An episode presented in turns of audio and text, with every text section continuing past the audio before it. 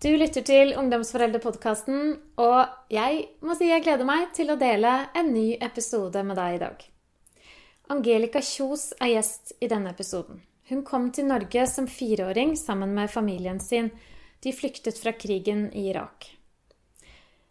Gjennom hele barne- og ungdomstiden så ble hun utsatt for omsorgssvikt, grov vold og seksuelle overgrep.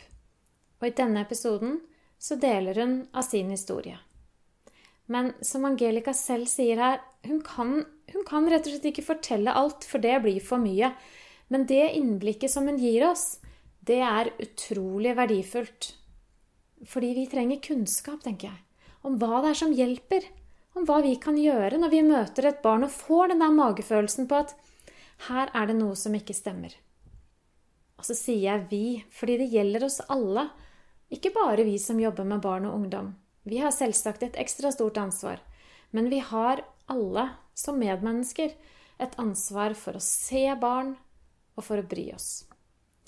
Det viktigste jeg lærte av praten med Angelica, det var hvor utrolig viktig det er å ikke gi seg. Fordi barn trenger trygghet og tid før de åpner seg. Og så må vi ta med hjertet og lytte til den der magefølelsen som vi har. Angelica beskriver seg selv som en løvetann. Og jeg må si etter å ha møtt henne at ja, hun har en helt spesiell varme, styrke og utstråling.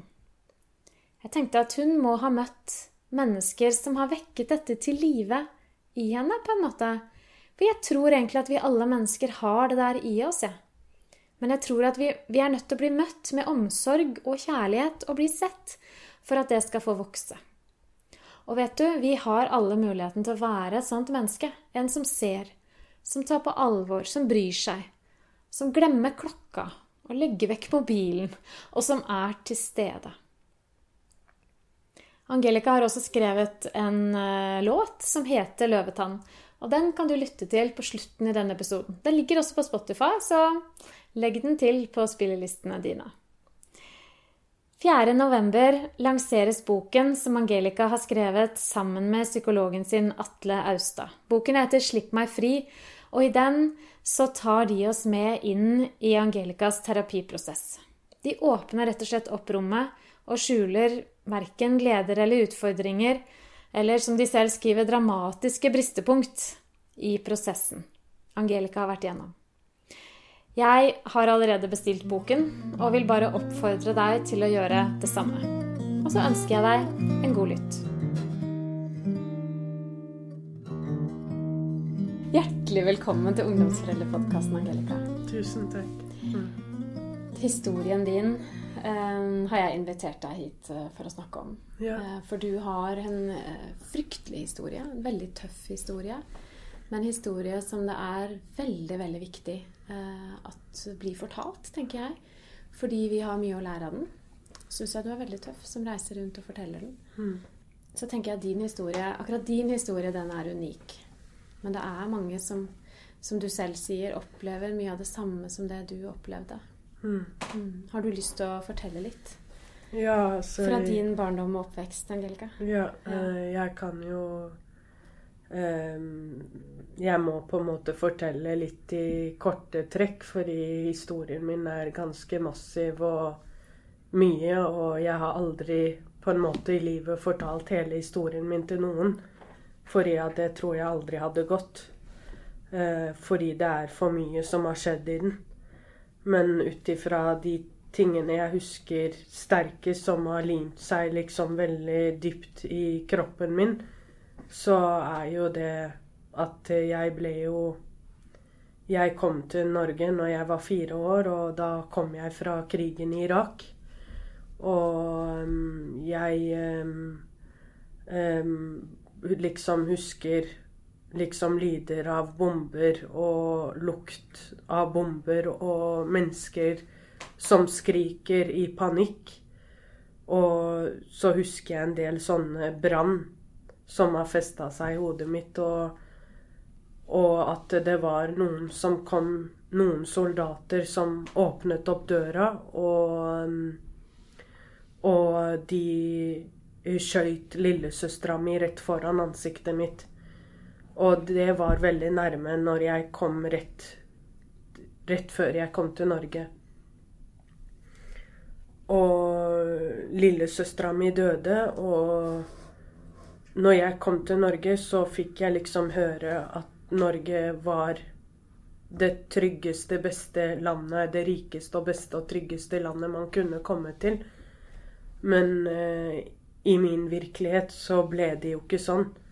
Um, problemet var at jeg hadde en stefar som allerede var i Norge, og så kom jeg med den andre familien min. Uh, og jeg hadde jo på en måte ikke noe særlig kjennskap eller historien til den siden av familien min. Så jeg visste jo på en måte ikke hva som møtte meg. Um, men det begynte på en måte veldig smått med at jeg var jo ganske liten, ikke sant. Men uh, uh, de seksuelle overgrepene, de begynte veldig sånn uskyldig først. Med at liksom At jeg måtte ta uh, liksom han på tissen eller gjøre ting som var veldig litt sånn mer At jeg ble liksom lært opp til alt av hva seksualitet handlet om.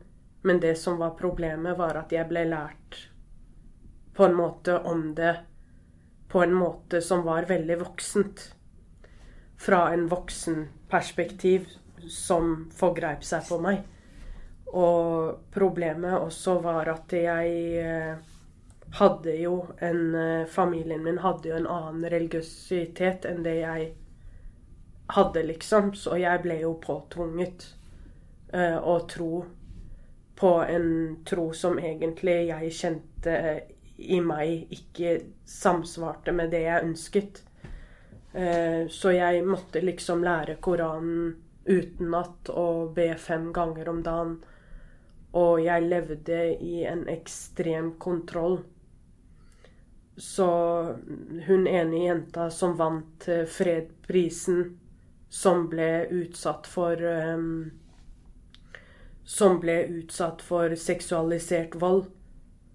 Uh, jeg kjenner igjen veldig på en måte historien hennes i form av de overgrepene jeg ble utsatt for. Av liksom den type brutaliteten og sadismen og torturen i det.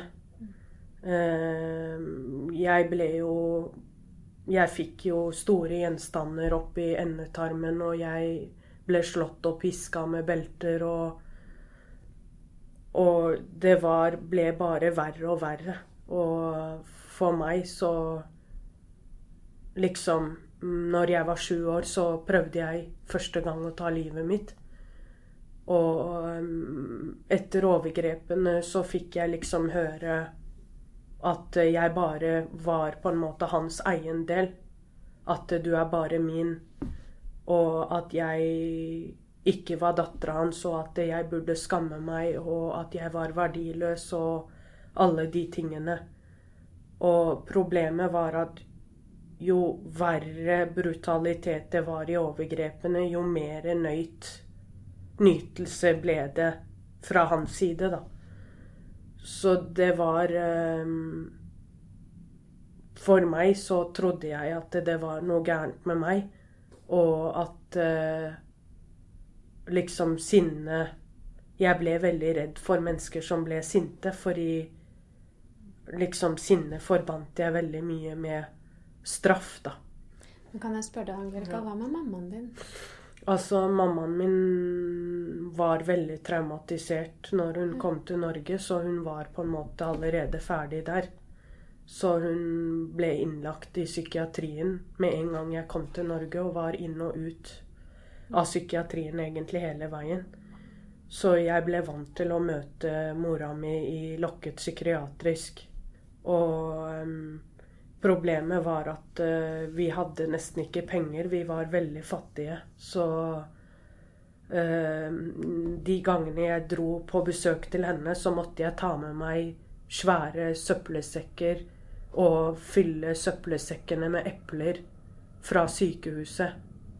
Um, så jeg var på epleslang for å liksom fylle magen, da. Og jeg liksom tenkte hele veien liksom Hvordan får jeg tak i mat? Um, og så husker jeg jeg pleide å spare på mat hvis jeg hadde noe sånn at det skulle holde kanskje en uke eller to. Men hvem tok vare på deg i det daglige da? Var det denne stefaren din? Eller? Ja, og um, jeg hadde jo familie, søstre og sånn, men vi tok jo vare på hverandre. Men jeg måtte jo som sagt ta vare på meg selv, først og fremst. Jeg ble jo veldig fort voksen. Og jeg bretta liksom hele klesskapet fra jeg var fire år, og vaska, støvsugde og lagde mat og alt. Så jeg var jo veldig, veldig voksen for å være barn, da. Og jeg tok jo vare også på de rundt meg.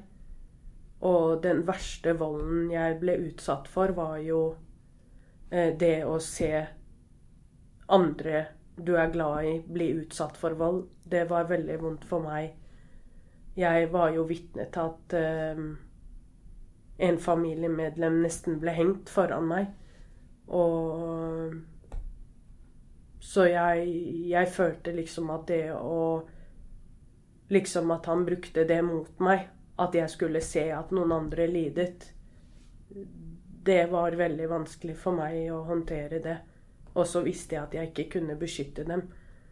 Så i en alder av fire år og oppover så gikk jeg ofte inn i situasjoner og sa 'vær så snill, slå heller meg'. Voldta heller meg. Eh, fordi jeg ville beskytte. Jeg var lojal, ikke sant, som alle barn er. Og mm, jeg tok på meg veldig mye fordi ingen så meg.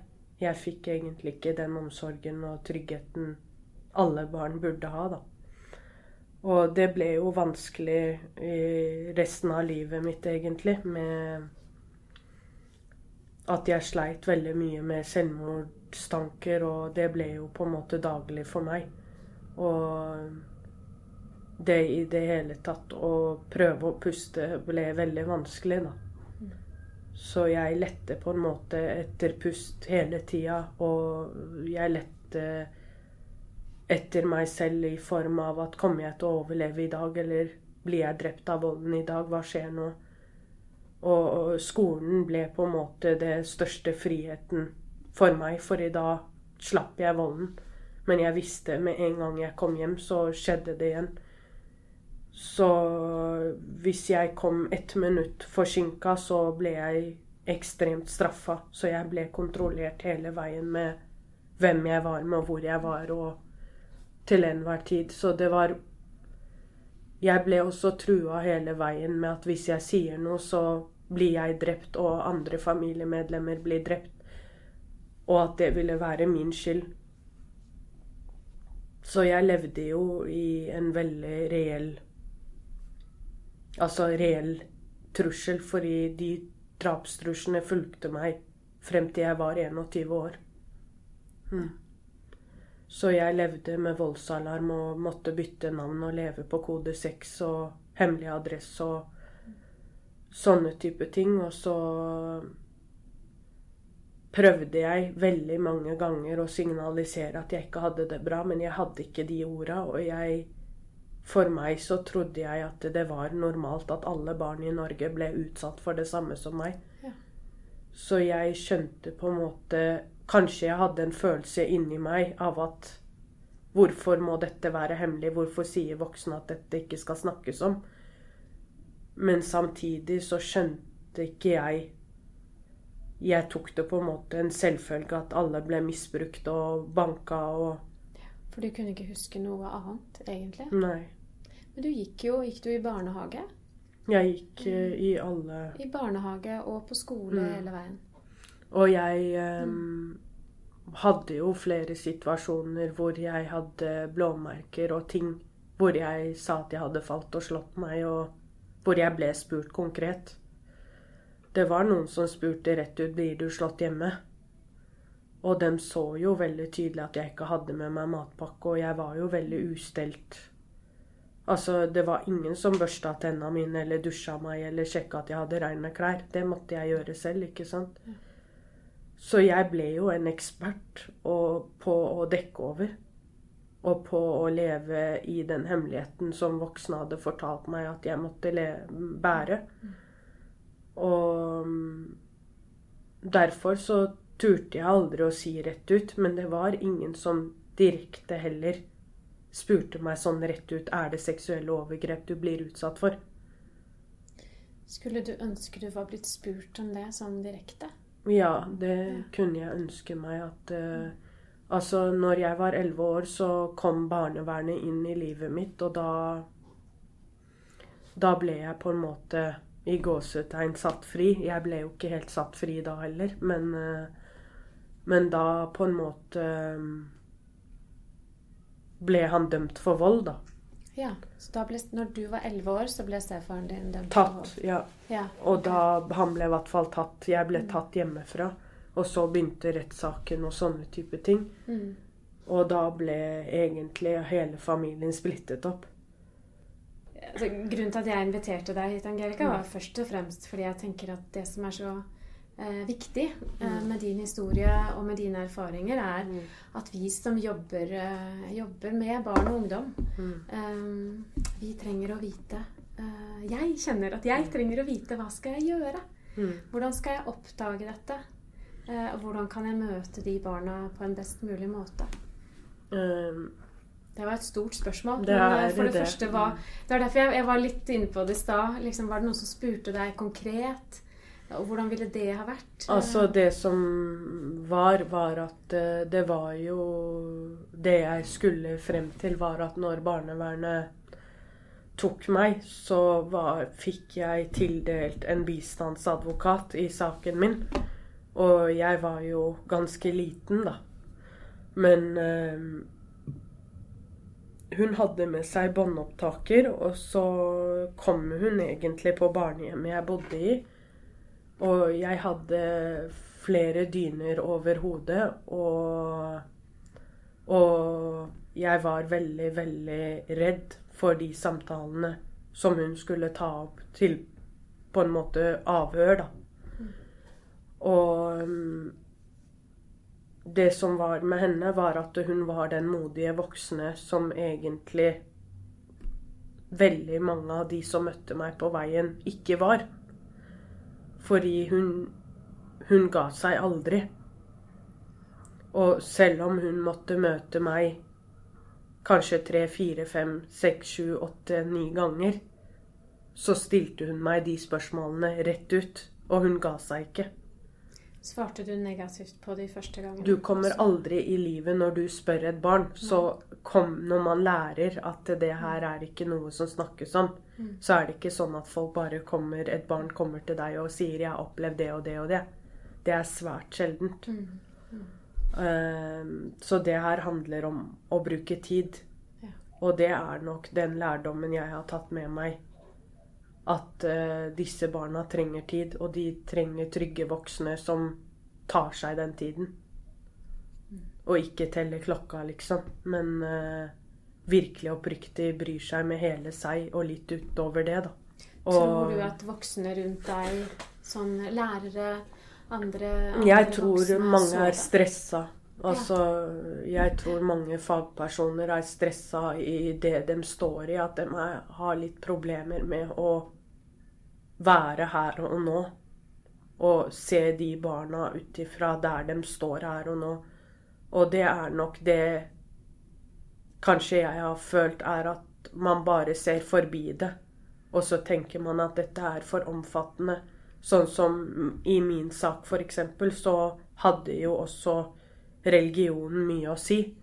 For jeg fikk jo ikke lov til å verken eh, dusje eller ha gym, altså svømming og sånne type ting jeg måtte jo også tildekke meg eh, med hijab og liksom ha på meg lange gensere og lange sånn at beina mine ikke skulle synes. Og um, jeg tror i min sak, uten at jeg skal håndfast si at det var sånn, så tror jeg at uh, man var redd for å røre Eller at man tar for mange hensyn i form av at foreldrene mine var muslimer, da. Og praktiserte det feil, på en måte. At det ble Eh, Jeg sier ikke at liksom Jeg mener at det ble veldig feil gjort, da. Ja, du fikk på en måte lov da til å alltid gå så tildekket og, og det Ja, og skolen Mm. stilte ikke spørsmålstegn liksom ved at jeg ikke hadde svømming, og den bare liksom la til rette på at sånn er det. Liksom foreldrene bestemmer det. Og det å stille noen kritiske spørsmål innimellom. Fordi jeg må ærlig innrømme å si at en av de største sorgene i mitt liv har vært at jeg ville være som det helt vanlige, normale barnet som alle andre barn er. Jeg hadde ikke lyst til å være den spesielle jenta. Den Jeg ville bare passa inn Mm. som alle andre barn. Mm. Kan du huske om du liksom gikk med en sånn sterkt ønske om at noen voksne skulle oppdage det, spørre deg Gikk du med en sånn, et sånt ønske?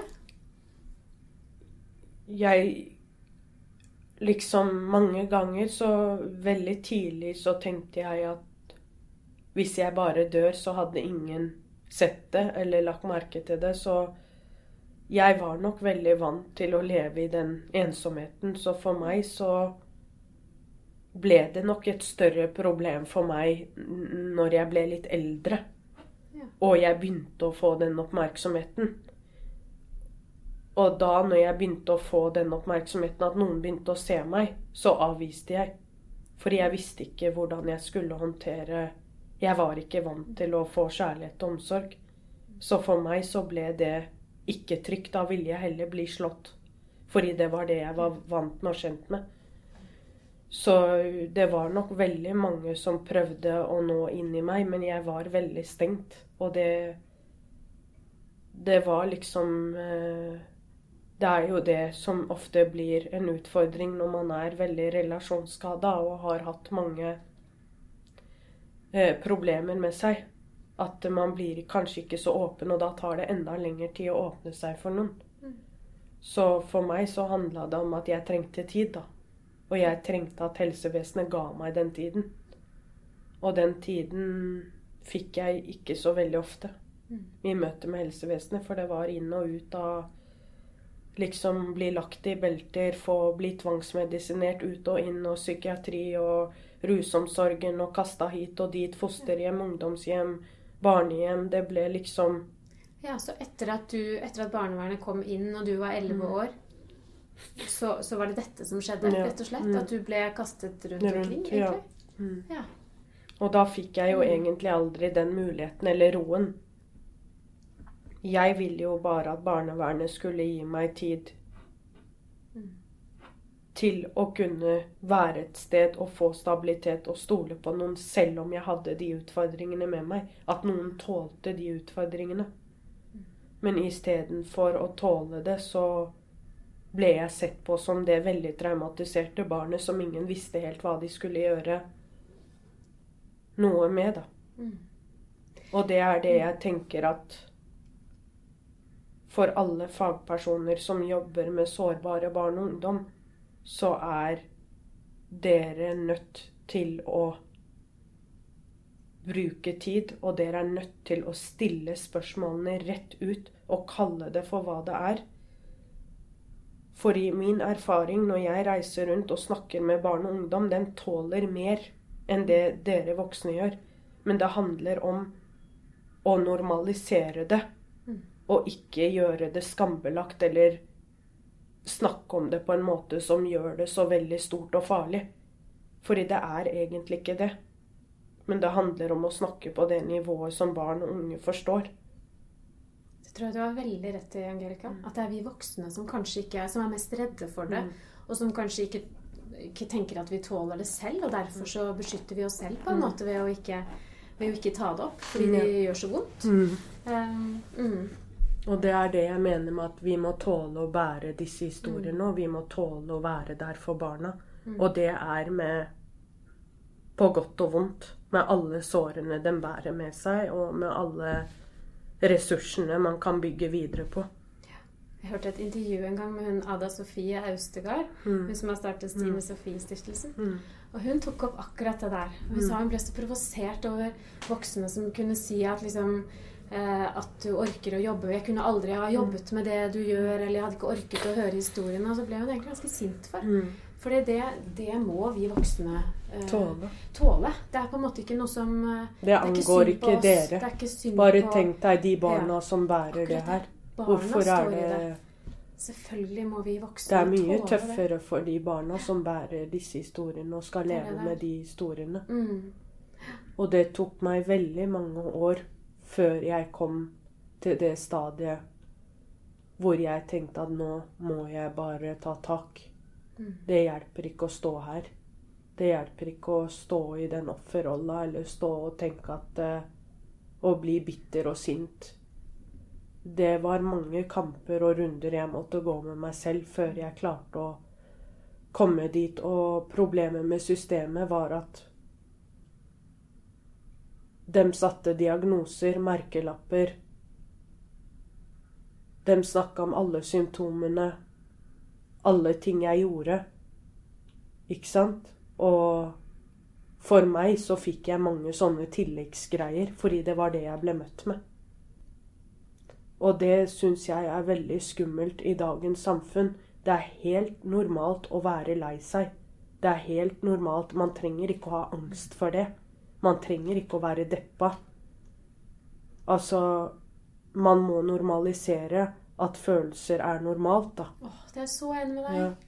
Det er så viktig, for det er også noe som Vi lever i en så sykelig verden hvor Ja. alt skal ha en Mm. merkelapp, eller hvor alt skal liksom være definert på hvem som skal ha det verst, eller hvem som skal Mm. Og det mener jeg er eh, veldig skummel Mm. eh, retning vi går inn i. Og Så syns jeg jeg hører mange ungdom selv jeg, som har begynt Mm. å bruke de Mm. begrepene. Og det er jo fordi vi voksne Ikke sant? Det kommer jo fra et voksenspråk, Ja. egentlig, fra Det- fagmiljøene. Det er det det gjør. Så tenker jeg da, nå er det vår oppgave å si at uh, Vet du hva, det der er ikke en depresjon, du er bare litt lei deg. Og det er en del av det å være menneske. Det er jeg òg. Det å tørre å gi litt av seg Ja. selv òg. For det er ikke bare å sitte der og fortelle en historie og fortelle en historie og fortelle en historie, og så skal man bare sitte og høre Ja, det er forferdelig. Mm.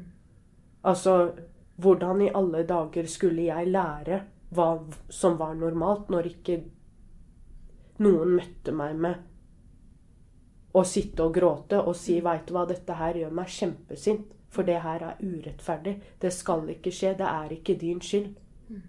Man trenger jo å bli speila med hva som er normalt, når man har kommet fra en verden som er helt Var det ingen som Ja. det, Angelica? Altså, det var veldig få, men det har jo vært noen enkeltmennesker på veien Ja, som har vært okay. veldig viktige for meg. Ja.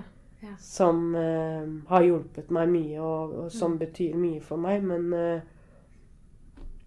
jeg ble veldig mye møtt med den Mm. 'stakkars deg, du har en veldig sterk historie'. Jeg ville aldri bli at noen skulle synes synd på meg. Det hjalp ikke meg til å komme meg videre.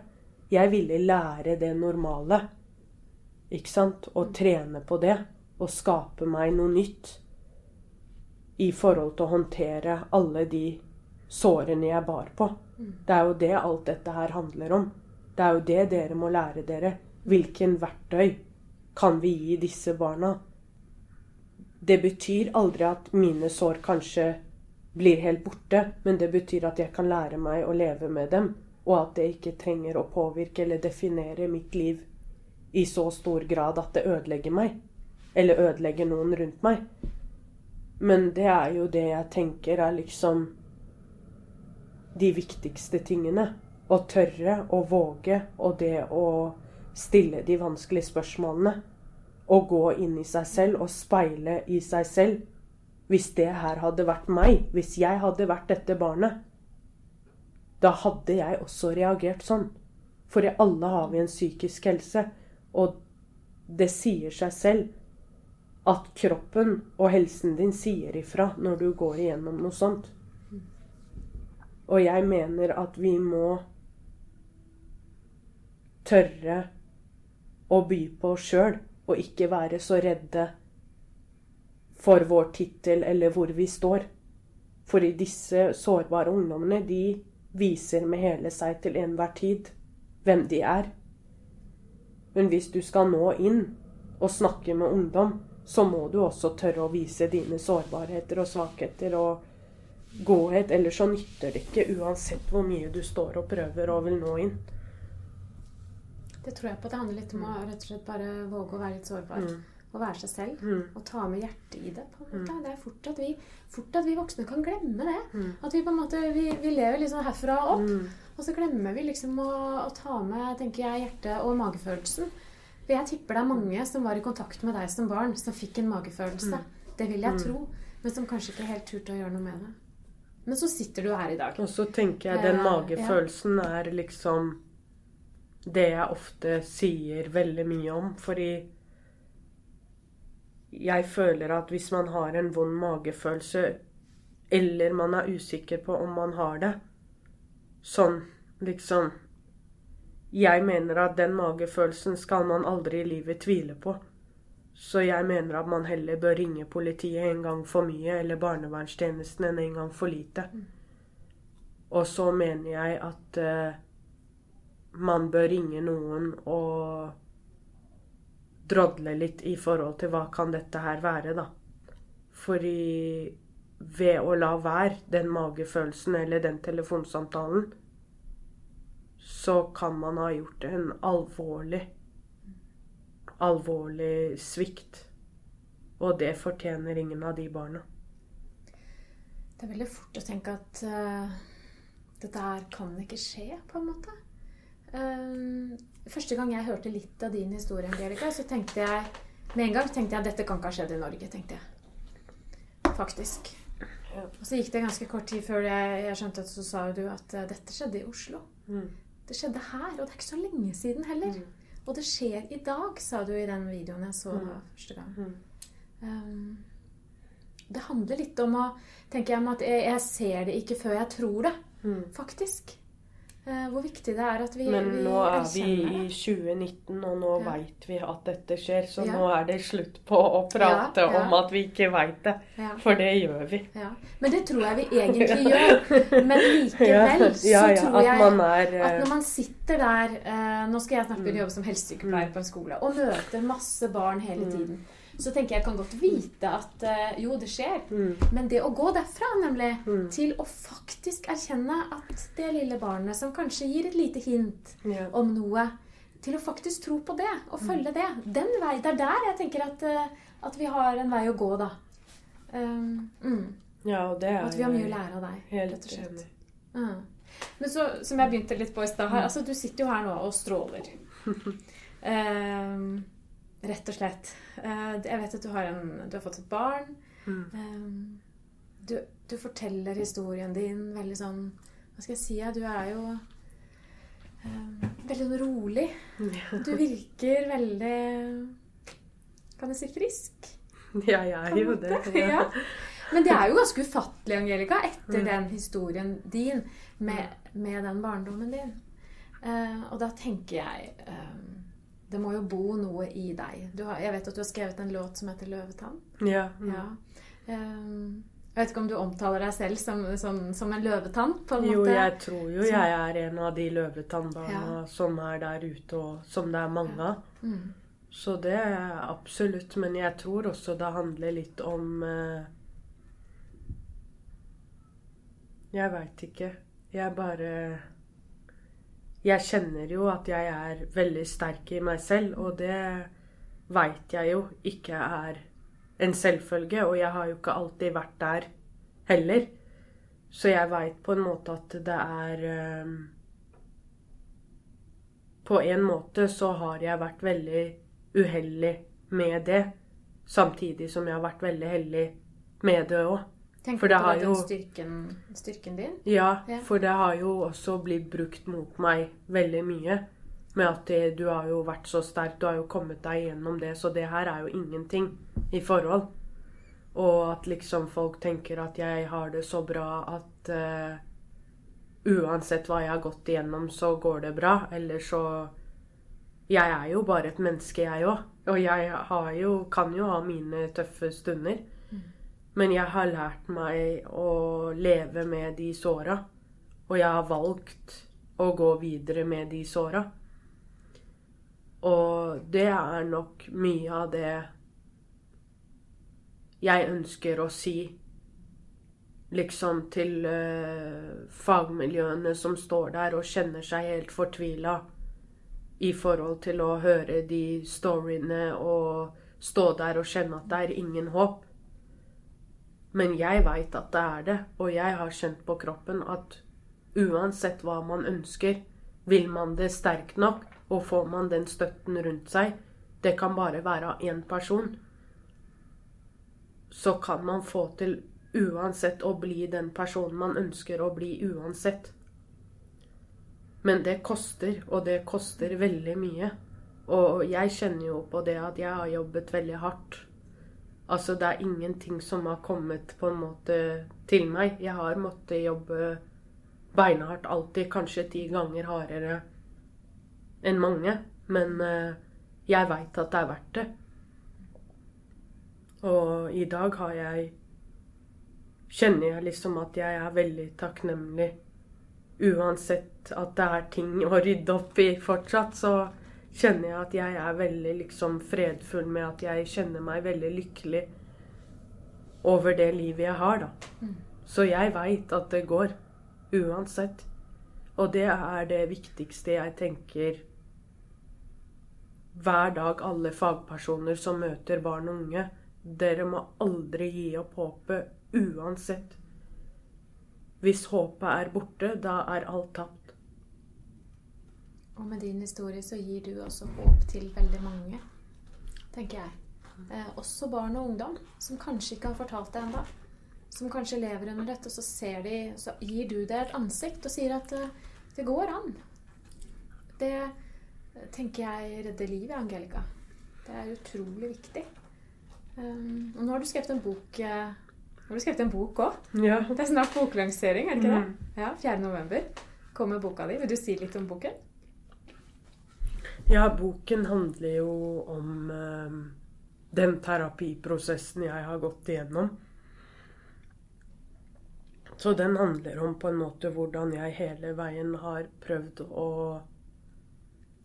samle brikkene til å bli den jeg er nå. Eh, hvilken hard jobb det har vært, og de følelsesmessige prosessene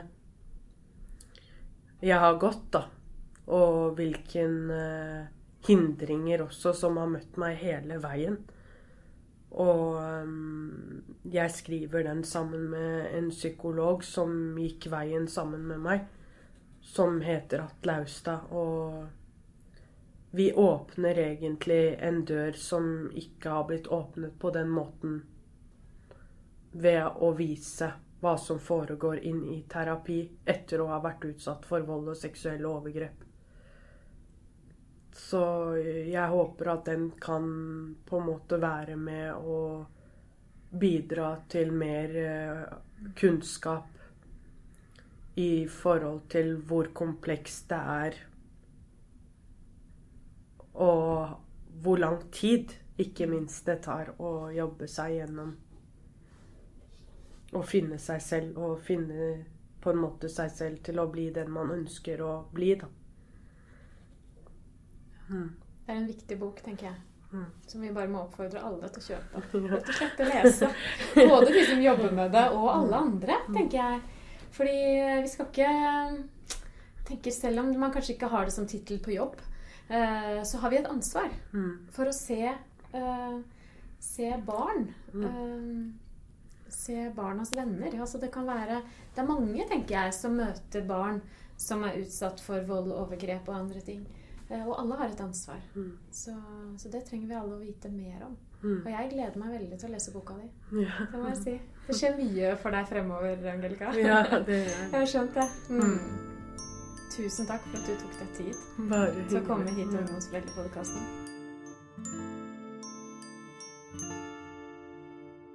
En dråpe vann, en løvetann. Emblom som ikke vet sitt eget navn. Først bøyd av vind, snart tunga regn.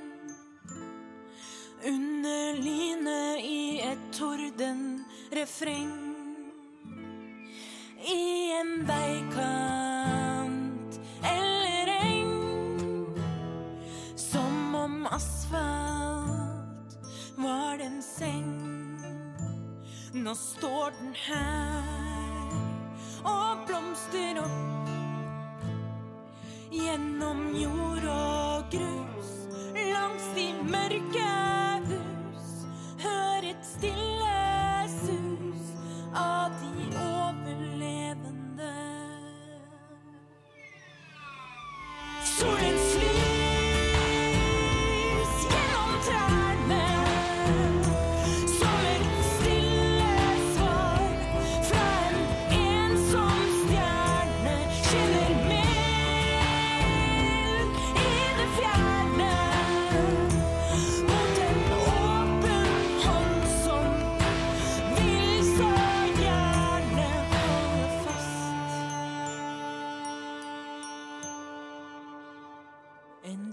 dråpevann. En løvetann. En blomst som ikke vet sitt eget navn. På tross av snø, all verdens regn. Under line i et tordenrefreng. I en veikant.